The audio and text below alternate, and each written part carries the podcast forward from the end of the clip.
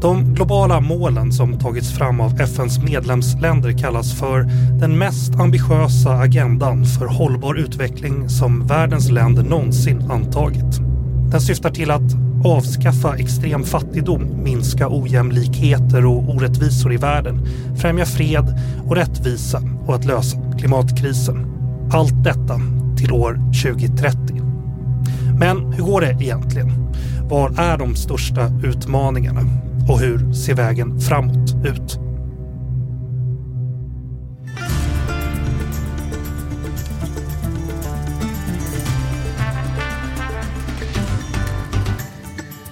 Du lyssnar på Utrikespolitiska institutets podd Utblick och jag heter Jonas Lövenberg. I det här avsnittet ska vi berätta vad de globala målen är, men framförallt vilka de större utmaningarna är. Vi ska försöka få till några ljusglimtar och förslag på lösningar också. Och för att hjälpa mig och er att förstå allt det här bättre har jag med mig Jennifer Bergman, programsamordnare och forskningsassistent på Utrikespolitiska institutets program för global politik och säkerhet. Välkommen tillbaka till Utblick Jennifer. Tack så mycket. Och Nina Weitz, seniorforskare vid Stockholm Environment Institute och ledare för SEIs Global Goals and Systems Team. Välkommen Nina! Tack så mycket. Okej, vi börjar här. Vad är de globala målen, Nina?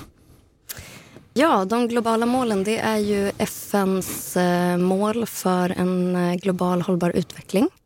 Och de eh, antogs 2015 av FNs medlemsstater. Och det är ett gäng mål, 17 stycken, som täcker in både sociala, ekonomiska och miljömässiga mål. Och under dem så finns en lång rad, 169 stycken delmål. Så det är ett ganska stort och ambitiöst ramverk. Kan vi få något exempel på ett eller två eller tre kanske? Ja, absolut. Som sagt så sträcker de här sig då över en väldigt stor bredd. Mm. Men alltifrån det första målet handlar om att utrota fattigdom. Det finns mål om tillgång på utbildning, tillgång till dricksvatten men också om hållbar ekonomisk tillväxt, om jämställdhet, om att skydda våra ekosystem både till havs och eh, land. Det finns också mål om, om partnerskap och eh, fred till exempel. Vad är då skillnaden på globala målen och, och hela Agenda 2030, ett begrepp som man kanske har hört? De globala målen är då mer av en liksom, aspekt inom Agenda 2030 som en slags handlingsplan som mer konkretiserar hur vi kan nå eh, ett hållbart samhälle till 2030. Och vad är de andra delarna då? Är det, kan det handla om mm, ekonomin eller vad? Ja, men exakt. Jag tror Eh, du nämnde någonting innan Nina. Ja men precis. Jag ser det som att målen, de här 17 målen då med sina 169 delmål är liksom vad man har kommit överens om att man vill uppnå till 2030. Precis som du säger, försöker att konkretisera det då. Men så sitter de då inom en, en deklaration som mer eh, beskriver på vilket sätt man vill uppnå dem och man vill ta helhetssyn. Och det var en väldigt stor skifte då från de målen som fanns tidigare, millenniemålen, att man nu såg liksom att ja, mer fokus på helhet och att förstå kopplingen mellan målen och sådär. Och sen finns det också en del kring, kring finansieringen och hur man ska kunna finansiera den här okay. ambitiösa agendan. Okej. Okay. Och hur har man tagit fram de här målen eller hur man kommit överens om hela Agenda 2030 kanske man ska fråga? Mm. Ja, men de förhandlades fram av eh, FNs medlemsstater i, i en process då som avslutades 2015 när de antogs eh, formellt. Det var en mellanstatlig eh, förhandling i FN. FN har ju i efterhand framförallt stoltserat med att det här var en mycket mer så här, inkluderande process än vad man har haft tidigare när man har tagit fram sådana här målramverk. Så man hade med så här, landkonsultationer till exempel, om, om mycket så här, multi-stakeholder-dialoger och så. Så det är något som de har lyft mycket, liksom, att processen var i sig också unik i hur de togs fram. Stämmer det då? Ja, om man jämför med liksom tidigare ramverk, ja, alltså millenniemålen till exempel då, som var föregångarna. Men sen kan man alltid ställas, liksom, ifrågasätta vilka som faktiskt är de, vilka är de som deltar i de här processerna också på, på nationell nivå och så vidare. Men den var mer eh, inkluderande skulle jag säga än, än tidigare. Vad finns det för skyldighet att uppnå målen eller att förhålla sig till de målen? Hur, finns det någon kontrollinstans hur det sköts? Nina, du kan fortsätta. Vad säger du? Nej, men de är ju liksom frivilliga, så det är liksom inga bindande åtaganden som länderna har gjort här. Men man har då årligen det så kallade High Level Political Forum som är liksom utvärderingsmekanismen där länderna frivilligt visserligen men rapporterar på sina, vad de har gjort. Det går. Och sen har man var fjärde år då en mer omfattande review eller granskning av målen som eh, ja, FN leder då. Och det var en sån som precis ägde rum här i höstas. Just i september va? Precis, SDG Summit. Och då var man också halvvägs igenom i genomförandet. Alltså det pågår ju många konflikter runt om i världen som stjäl ganska mycket uppmärksamhet och kraft och resurser från de här viktiga frågorna. Och nu ska vi prata om de utmaningar vi står inför för att uppnå de här målen.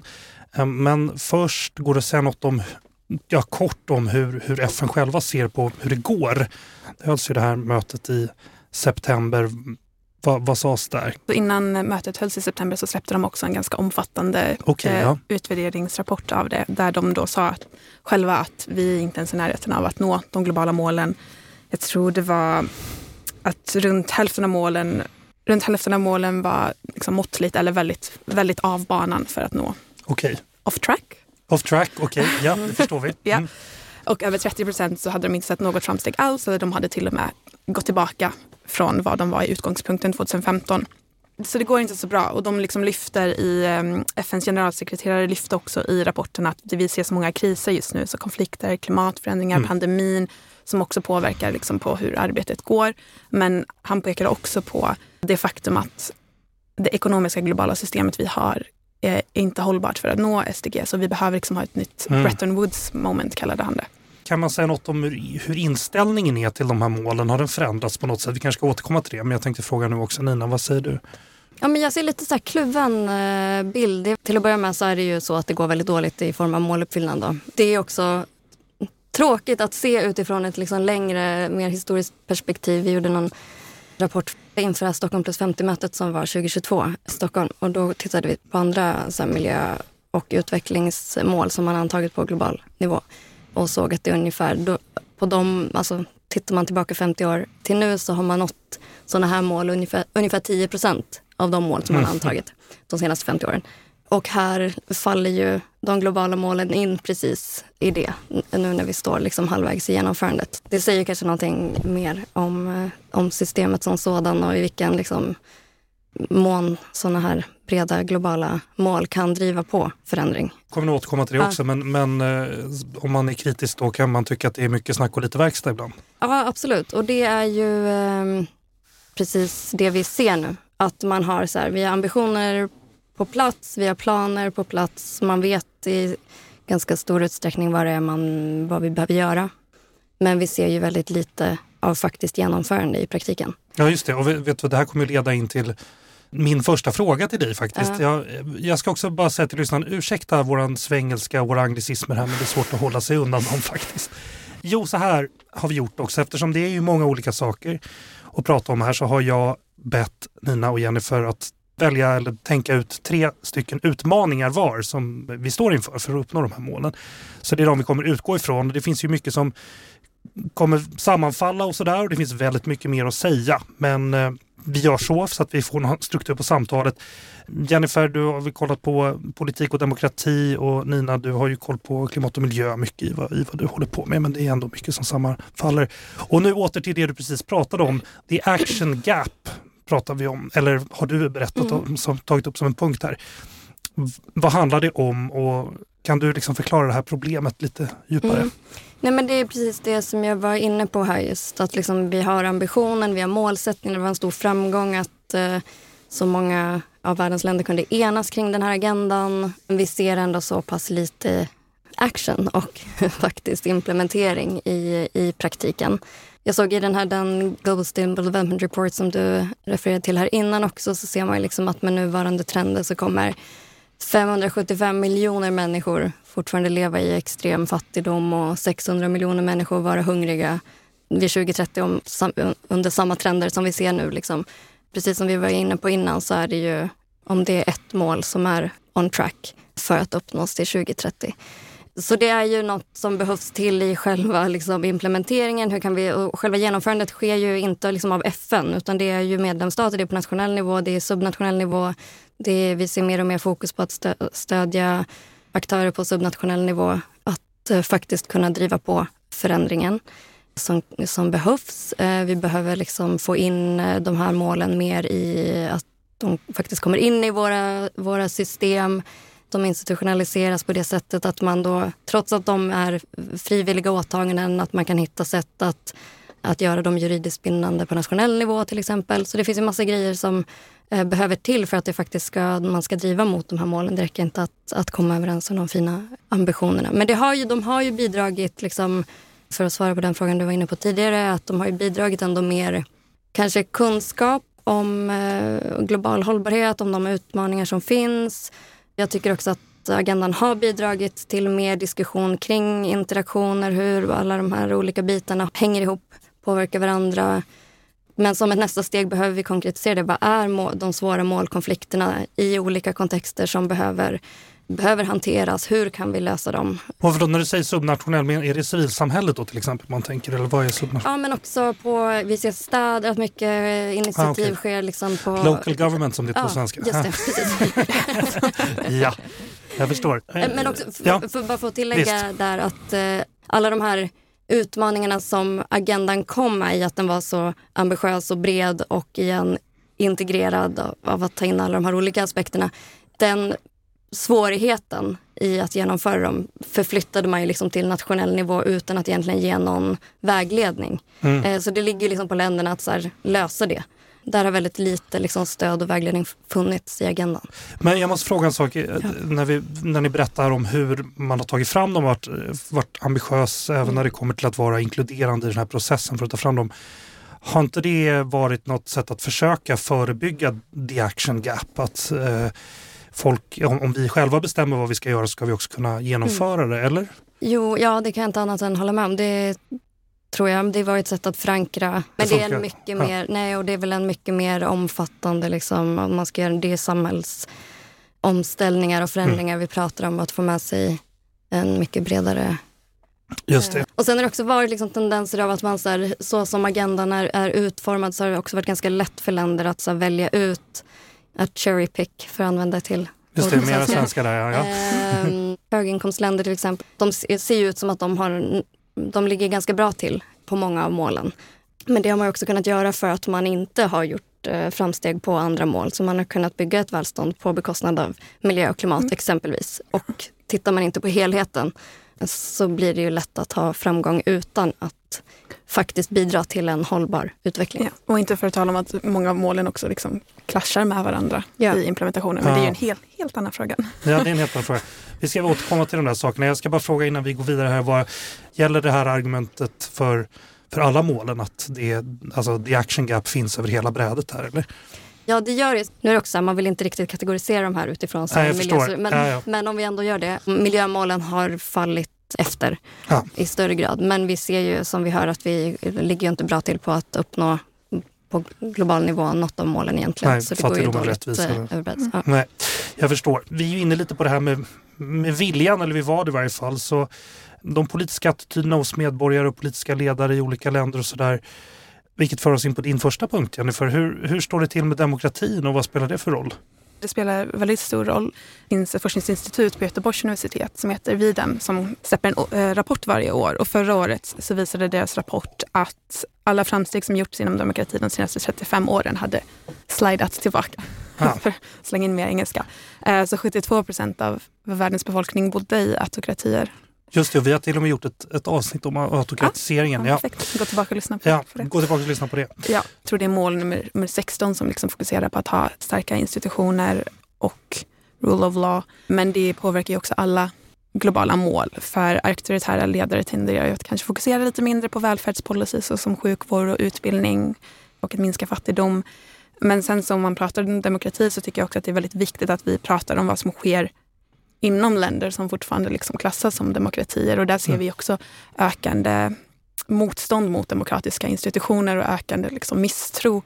Och det hänger liksom ihop med det här som FNs generalsekreterare pratade om i rapporten, att vi har haft flera kriser det senaste. Så till exempel pandemin ökade ju antivaxrörelsen i alltså världen. Misstron mot Ja, misstron liksom mot regeringen. Ja, alltså, så, så, så det, det gifter ju ihop sig lite och det ökar ju, eller det gör ju det svårare att nå mål så som till exempel att eh, nu har jag glömt bort vilket nummer det är, men det finns ju mål som att utrota sjukdomar och sånt. Mm. Och det mm. går ju inte om det ökar misstro mot vaccin och sånt. Men så att det ja. behövs ändå kanske någon demokratisk struktur då för att kunna uppnå vissa av de här målen, låter det som. Är det så? Det behövs en demokratisk struktur, men det behövs också liksom tillit i den demokratiska strukturen. Mm.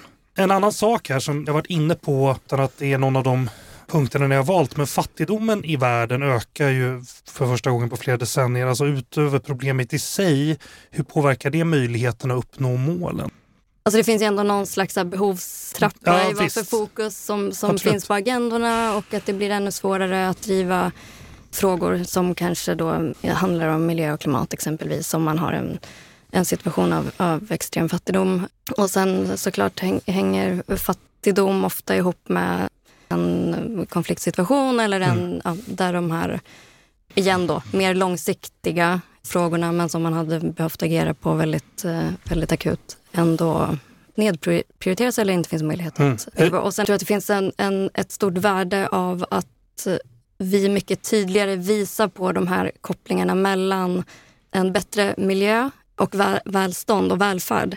Mm. Och att vi blir mycket bättre på att illustrera det. För det vänds, vilket jag också gjorde nu, man ger det exemplet att så här, ja, men då blir det mycket svårare. I, liksom, befinner vi oss i, i, i fattigdom så är det mycket svårare att göra framsteg på de här agendorna. Men det är ju naturligtvis också en förutsättning för att vi ska kunna komma ur fattigdoms fällan mm. är ju mm. också att ha en god miljö och att vi kan hantera den eh, miljö och klimatkriser som vi står inför. Annars ja, det kommer leda till ännu mer fattigdom. Ja, precis, en klimatkris kan ju skapa mm, klimatflyktingar och hela allt vad Precis, det så, att, ja. så att ett sätt att också lyfta de frågorna på, på agendan och att göra dem väldigt centrala är ju att också visa på bidraget för att, att motverka fattigdom om vi kollar också på liksom ökandet av ekonomiska klyftor i länder som kanske inte riktigt klassas som fattiga länder. Ja.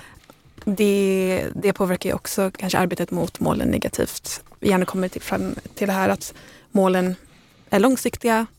När ekonomiska klyftor ökar och folk hamnar liksom i, i lägre socioekonomiska klasser än vad de kanske hade hoppats att de skulle kunna komma till i sin livstid.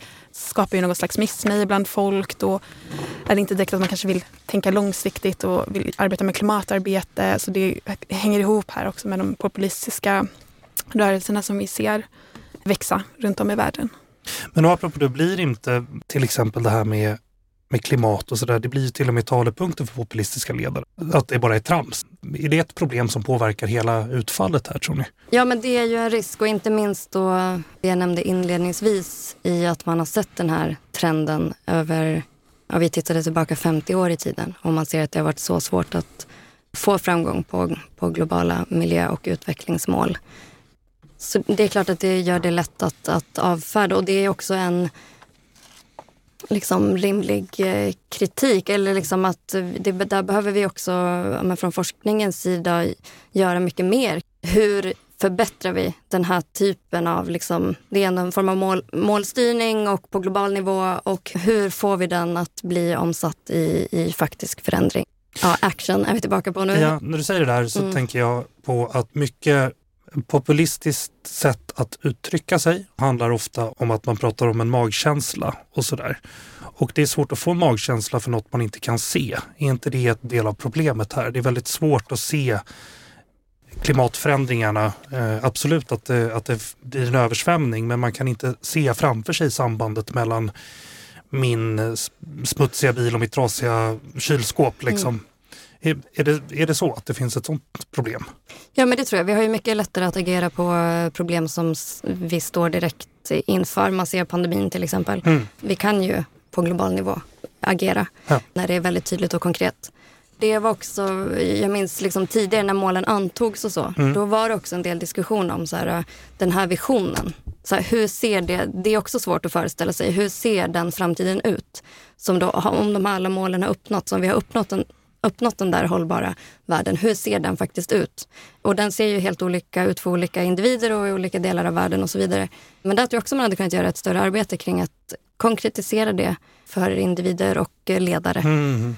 Det är någon kommunikativ bit som saknas här låter Ja, mm. samtidigt har ju gjorts liksom mycket kommunikations... De har ju också lyft målen ofta som en sån Mm. lyckad liksom, kommunikationsinsats. men den har väl varit ändå förhållandevis ytlig. Liksom. Man, har gjort, eh, man har lyckats få ut det. Liksom. Många har sett de här symbolerna känner till liksom, målen men, men det är något djupare som behövs. Det behöver beröra oss, både ledare och individer för att vi ska vara liksom, on board att göra, Mm. göra stora livsstilsförändringar till exempel. Populistiska ledare, det är inte nödvändigtvis alltid att man nekar att klimatförändringar Nej, nej. existerar. Vi skrev ju om det i Utrikesmagasinet. Just det, läs Utrikesmagasinet. Eh, ja. Förra veckan om ekofascism. Liksom, att, Mm. att populistiska rörelser är väldigt bra på att kapitalisera på vad de ser liksom är stora rädslor bland befolkningen. Mm. Och folk börjar bli mer och mer rädda för klimatförändringar oavsett vart man ligger på det politiska spektrumet. Mm. Men då används det istället som någon slags, slags verktyg för att motverka invandring. För att man skyller på invandring i Mm. ett till land. Eller att man försöker använda det här för att liksom styrka argument för att man ska befolkningskontrollera i, i, i hitta banéren, utvecklande länder. Jag vet inte. Mm. Eh, så, och det blir också farligt när man, när man accepterar att problemet finns. Men lösningarna man presenterar för det är inte lösningar som är riktigt hållbara. Vi landade här efter vi började prata om, om, om fattigdom faktiskt. Men vi ska hinna med era punkter också. Din andra punkt hänger ihop med var pengar används.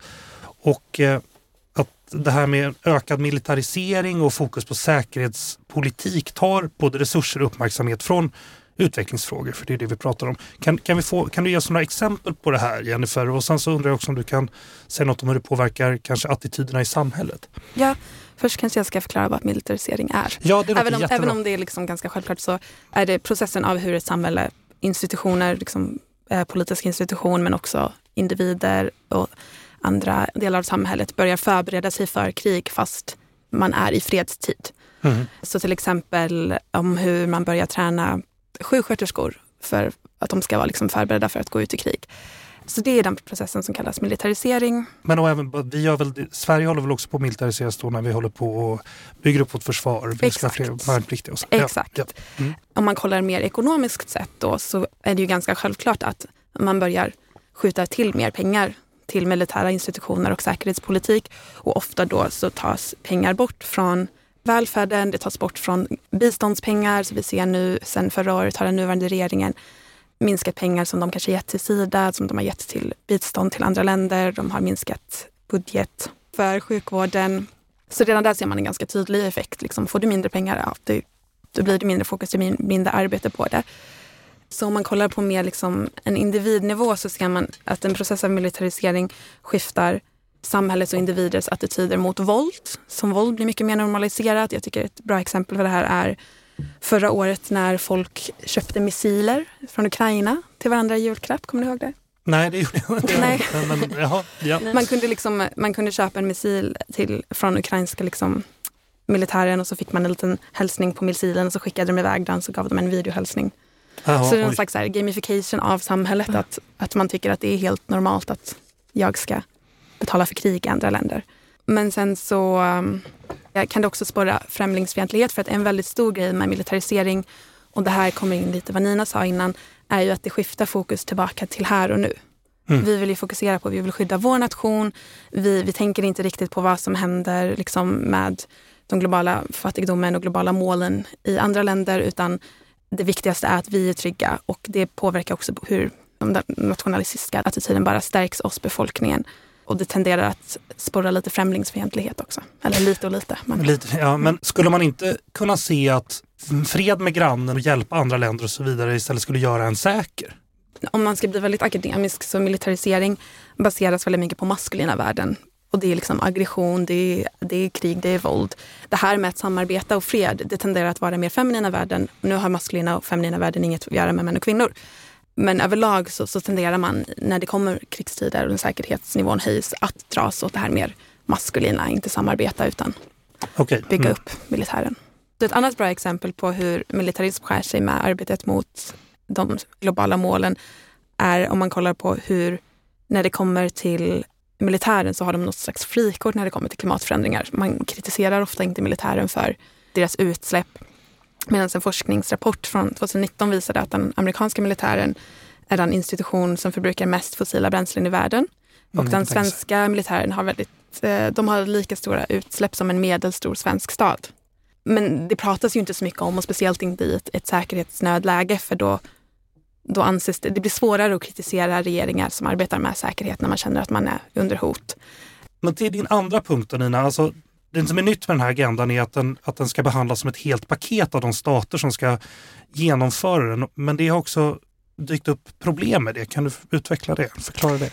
Ja men precis. Den här ambitionen att um, man ska hantera de här 17 målen som en helhet ställer ju väldigt stora krav på att liksom kunna integrera de här målen och eh, liksom sociala, ekonomiska, miljömässiga dimensioner. Och det är väldigt få regeringar som är organiserade på ett sätt att man överbryggar liksom olika sektorer.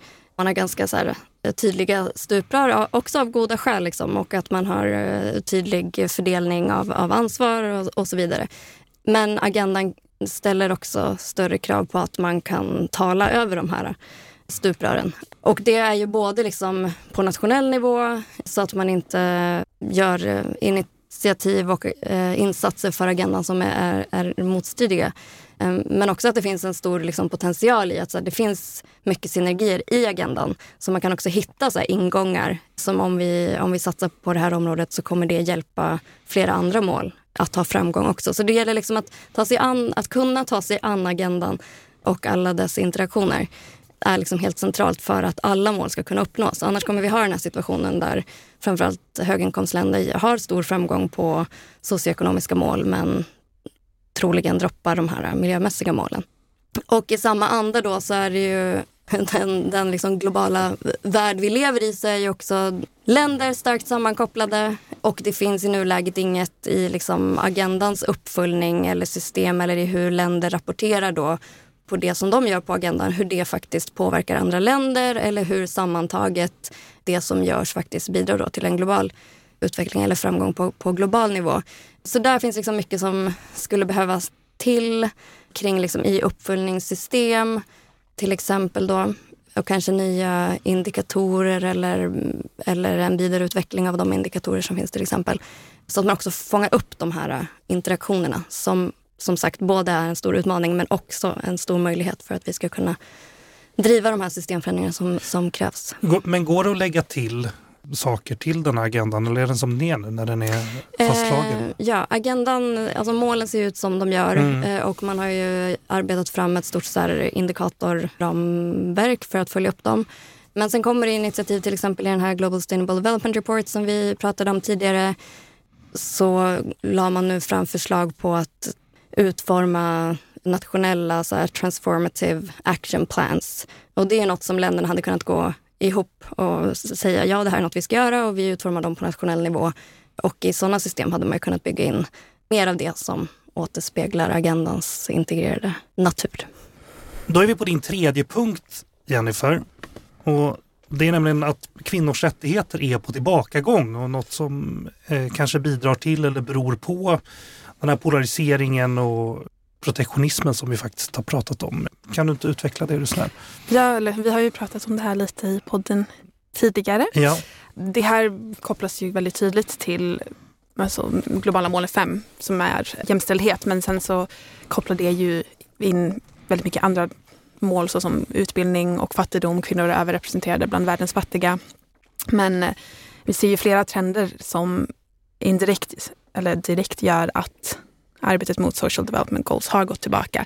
Till exempel i Afghanistan, talibanerna tog makten 2021 och vi såg att kvinnor och jag tror det var flickor över årskurs 6 va, får inte gå i skolan längre. Och redan är det ganska tydligt att liksom, ja, men, då arbetar vi ju inte mot utveckling för att alla ska få tillgång till utbildning. Och kvinnor får inte lämna hemmet utan en manlig anhörig. Nu finns det liksom ingen statistik på det här men det säger sig nästan självt att nivån av våld i hemmet kommer att öka om man kan inte lämna hemmet. Vi såg det under, under pandemin. Och sen så får inte kvinnor heller undersökas som manliga läkare. Men kvinnor kan ju heller då inte bli läkare för att de får inte utbilda sig själva. Mm. Så hur ska man då ha tillgång till... Det låter lurigt. Ja, liksom lite catch 22 där. Och sen ett annat exempel vi, vi hade i, i vårt program ett rundabordssamtal om situationen för hbtqi-befolkningen i Uganda.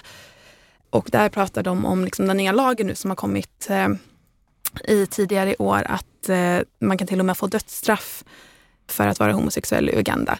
en ny grej med den lagen är att man måste ange om man tror att någon är homosexuell. Mm. Som läkare, som familjemedlem. Så då blir det ju att man går inte och hämtar upp sin HIV-medicin för risken att bli, för risken att bli anmäld till polisen och arresterad. Och det eh, försämrar ju arbetet mot att utrota HIV väldigt tydligt. Så all, allting sånt hänger ju ihop. Och sen bara liksom om vi hoppar över till USA. Så förra året när de eh, tog bort, de vad säger, overturned, upphävde mm. eh, Roe v. Wade som hade skyddat aborträtten. Just det, eh, så, ett rättsfall som var praxis för hur man förhåller sig till abortlagarna i USA. Ja. Så högsta domstolen upphävde det. Och det har haft ojämn effekt i USA. Vissa konservativa stater gick ju direkt till och, och förbjöd abort medan vissa stater har kvar det. Men redan där så har miljontals kvinnors rätt till abort tagit bort. Vilket också då kommer ju ha hälsoeffekter för att man kan inte förbjuda abort, man kan bara förbjuda säkra aborter, det gamla Just det, talesättet. Och det kommer synas direkt i förhållande till de globala målen då helt enkelt? Ja men exakt. Ja. Okej, din tredje punkt Nina, den handlar om hur målen framgångsrikt ska nås i alla länder. Vi har varit inne på det lite, men, men just när det kommer till skillnaden mellan hög och låginkomstländer, alltså, kan du utveckla det? Det kopplar tillbaka lite till det här hur vi följer upp på målen. Mm. I nuläget då när vi rapport länderna rapporterar liksom på enskilda mål så får vi en bild av att många höginkomstländer ligger ganska bra till. De är de som är i, toppen liksom på rankingar för att man har nått många av de här sociala och ekonomiska målen. Men det är så väldigt, av så väldigt stor vikt att de nu liksom tar ledar, ledarskap på... Alltså det är också där mycket av... Så här, det, de länderna har mycket större utsläpp och en mer ohållbara konsumtionsmönster till exempel alla de här drivkrafterna är ju mer eh, prominenta i, i höginkomstländerna. Mm. Det är den typen av systemförändringar som vi behöver få till. Vi kommer inte få bukt på den liksom, skevheten om inte omställningen sker och fokuseras i höginkomstländer. Och så länge det inte fångas upp eh, i rapporteringen så finns också en risk. Det blir som att de länderna får så här, stå modell som blir ett exempel på hållbarhet. Okay. Liksom, för att de, de ser ut som att de ligger bra till på de globala målen. Men i själva verket så har de väldigt ohållbara samhällen och också bidrar till att det är svårare att uppnå många globala mål som klimatmålen till exempel. Det är väl också så att många av de här rika länderna som har lätt för att genomföra vissa, många av de här globala målen, ja. eh, också är de som eh, har lånat ut pengar till de här eh, fattigare länderna och så där. Det finns, det finns väl också många sådana problem att om man inte också vänder sig utåt och vill hjälpa hjälpa de fattiga länderna så stannar också processen upp i de fattiga länderna, eller hur? Ja, från början och det blev väldigt tydligt här också inför den här SDG Summit och Midterm Review att finansieringsfrågorna är ju inte alls lösta. Nej. Och eh, så länge de rika länderna inte i större mån skjuter till så är det här en agenda som många fattigare länder inte tar till sig eller är villiga att att ens förhandla kring. Ja, det blir för dyrt. Ja, det blir för dyrt och det blir eh, politiskt eh, inte görbart och hållbart. Nej, nej, nej. Mm. Det återspeglar också mycket det som har varit liksom på klimatförhandlingarna. Att man behöver se ett, ett tydligt ledarskap och bidrag från att, att de rika länderna gör sitt helt enkelt. Mm. Vi kan inte förvänta oss av de fattiga länderna att de ska leda den här omställningen. Ja, inte ha samma kapacitet. Nej, precis. Nej, nej. Ja, jag lovade i början att vi skulle säga något om lösningar och ljusglimtar här och vi ska väl försöka. Det har inte varit så ljust hittills. Nu har ni fått presentera de här utmaningarna ni hade med er till mig. Men vad finns det för möjligheter att lösa problem?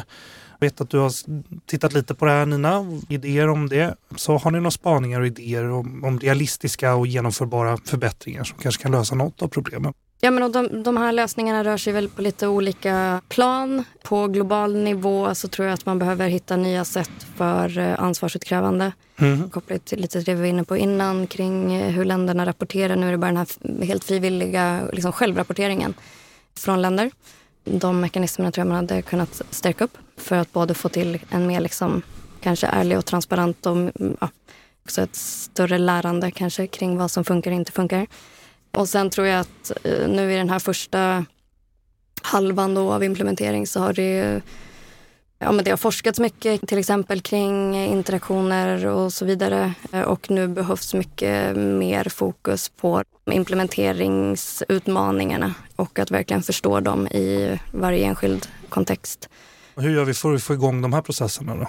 Ja, det är ju en jättebra fråga. eh, men något som också lyfts mycket är ju liksom ett starkare så här, uh, science, science Policy Society interface. Mm. Att bygga mer liksom, tätare samverkan, inte bara då mellan, i det här fallet, liksom, vetenskap och forskning och beslutsfattare utan också i den processen ha med mer av, av samhällsaktörer. Mm. Och det här handlar om det vi var inne på tidigare med att liksom också förankra de här processerna bättre i samhället och med flera, flera aktörer. Alltså jag ser det också i ljuset av att om vi pratar om så målkonflikter, mm. hur ska vi göra framsteg på dem, så handlar ju lösningarna kring målkonflikter om någon slags politisk förhandling eller en, ja, en förhandling mellan olika intressen. Och i det finns väldigt mycket liksom, rättviseaspekter. Vi behöver bättre förstå hur de här målkonflikterna liksom, drabbar olika personer eller grupper i samhället. På vilket sätt och när. Sådär. Så det finns, ja, det finns massor att göra. Mer, liksom, vi behöver mer empirisk forskning kring, kring målkonflikter och mm. dess möjliga lösningar. Okej. Okay. Jennifer, har du något tips på lösningar? tips. Jag insåg när jag fick den här frågan att jag har väldigt pessimistisk intake. Mm. Jag kollar bara på problemen. Ja. Men eh, jag kan väl bara inflika också liksom att jag håller med och vi pratade om det innan civilsamhällets roll i att vara med och utforma mm. målen. Jag tror att de måste ges mer plats och mer resurser att också arbeta med målen. Vi kollar ofta på mm. hur, liksom, hur, hur går regeringars arbete, hur går länders arbete, men mycket av det arbetet görs ju liksom på en, på en gräs, äh, gräsrotsnivå, speciellt om man kollar på de målen som kanske är mer politiska. Just det. Så det, det tror jag är viktigt också. Speciellt eftersom vi ser liksom en minskande arena för civilsamhället så jag tror jag det är viktigt att bevara den. En process som, som pågår, vet jag inte hur mycket hopp man ska sätta till den, men det är ju ett försök att vara ja, visst. positiv. Låter bra. är ju eh, alltså FNs generalsekreterare Our Common Agenda och den eh, Summit of the Future som kommer i, i höst. Den har då en, en rad olika spår med olika typer av, av reformer och möjliga förbättringar för FN-systemet och internationellt samarbete. Men en av, av bitarna där är just att få en mer liksom inkluderande mer inkluderande multilateralt samarbete. Utrymme för till exempel civilsamhälle i, i beslutsfattande. Mm. mm. Eh, och, så. och eh, inte för att vara väldigt kontroversiell, men mer utrymme för unga. tror jag. Ja, ja. Det är väldigt viktigt eftersom målen är långsiktiga och ser framåt. Det känns som det är ett perspektiv som ofta tas. Mm. Då skickar vi med till makthavarna. Mm. Eh, ni, I början här så, så eh, pratar ni om att det egentligen bara är ett av målen som man har kommit framåt för att, för att uppnå? Vilket är det? Jag tror att det mål som man lyfter som eh, det enda som är liksom on track, ja. eh, på spåret, på spåret ja. är ett delmål kring internetanvändning och eh, tillgång till uppkoppling helt enkelt. Och det är en förutsättning för många Ja, just det, för, för handel, för kunskapsspridning och så vidare. Och så vidare. Exakt. Ja. Så jätteviktigt. Men eh, tittar man på befintliga trender så är det inget av målen som skulle uppnås globalt ens till 2050. Okay. Så det behövs ju mycket mer och nu, men med ett långsiktigt perspektiv. Avslutningsvis då, sista frågan här. Vad ska vi hålla koll på framåt? Vad är nästa stora grej som hjälper eller skälper de globala målen? Vad säger du Jennifer? Jag skrev ner två, men det, går bra. det här är ju bara spekulation. Eller från min perspektiv. Från din horisont, från, din analys, vad säger du? Ja, det första jag skrev ner var USAs presidentval? Frågetecken. Ja. Nej, om man kollar på, på de liksom, trenderna jag tog upp så tycker jag ändå att USAs politik har en tendens att sätta trender för hur det går i resten av liksom, ja. västvärlden i alla fall. Och det finns risk för att det kan gå väldigt dåligt och väldigt mycket mer bakåt. Just det, men mer populistisk Ja, men mer, mer populistisk regering. President. Exakt, ja. och då är inte internationella samarbeten det man prioriterar direkt. Nej. Sen så, nästa stora grej, eller en grej som pågår just nu, ska man också skriva ner, är Israel-Palestina-konflikten. Mm. Återigen, liksom, med den här militariseringen, det tar bort fokus från eh, arbetet med de globala målen. Men det påverkar ju också liksom de, de mål som vi redan har, inte bara arbetet mot dem. Alltså, ett av målen är ju liksom att ha fredliga samhällen. Men jag tror också att det kan öka klyftorna internationellt mellan länder och försvåra samarbetet. Ja, Nina? Nej, men jag håller helt med om eh, val i eh, USA och EU är eh, viktiga. Absolut. Men sen tror jag liksom det har från början på något sätt varit så här, de här målen var väldigt ambitiösa från början och det fanns en diskussion redan när de antogs, det här kommer aldrig gå upp något. Så det var så här, sätter vi ambitiösa mål så att vi når så långt vi kan eller sänker vi ambitionen och riskerar att också signalera att vi har liksom gett upp på vissa områden om man gick för en mer ambitiös ansatsen och det tror jag man liksom ska ha med sig någonstans. Och sen absolut, det går, går alldeles för dåligt. Men kanske att det kan finnas en eh, möjlighet i att nu koppla ihop det då med den här liksom bredare FN-agendan där det ändå finns ett ganska starkt driv och som också kopplar ihop ännu tydligare med liksom, eh, Agenda for Peace och sådär. Sen ser jag, eller hoppas jag, att man nu också liksom nyttjar den här perioden som är, är kvar absolut till att accelerera och göra allt man kan för att komma så långt som möjligt på målen. Men också att lära inför vad som kommer efter i form av ett, eh, liksom, vad är det för mål vi kommer se efter 2030. Det har varit hittills något man inte har velat prata om alls för man vill inte liksom, skifta fokus. Men från forskningssidan till exempel är det jätteviktigt att vi nu börjar liksom dra lärdomar och liksom systematisera hur vi kan lära oss från det som nu sker för att kunna göra mer effektiva och mer inkluderande sådana här globala agendor i framtiden. Jennifer Bergman, programsamordnare och forskningsassistent på UIs program för global politik och säkerhet. Nina Weitz, seniorforskare vid Stockholm Environment Institute. Tack för att ni kom båda två. Tack så mycket. Tack. Nu har du lyssnat på Utrikespolitiska institutets podd Utblick. Glöm inte att trycka på prenumerera-knappen i appen där du lyssnar på oss. Om du vill veta mer om UIs forskning och omvärldsbevakning, titta in på ui.se. Om du vill veta mer om Stockholm Environment Institutes forskning och omvärldsbevakning, titta istället in på sei.org. Vår vignett är komponerad av Friden Frid. Vi spelar in hos Red Means Go och i kontrollrummet idag sitter Kristoffer Fabes. Jag heter Jonas Lövenberg. På återhörande.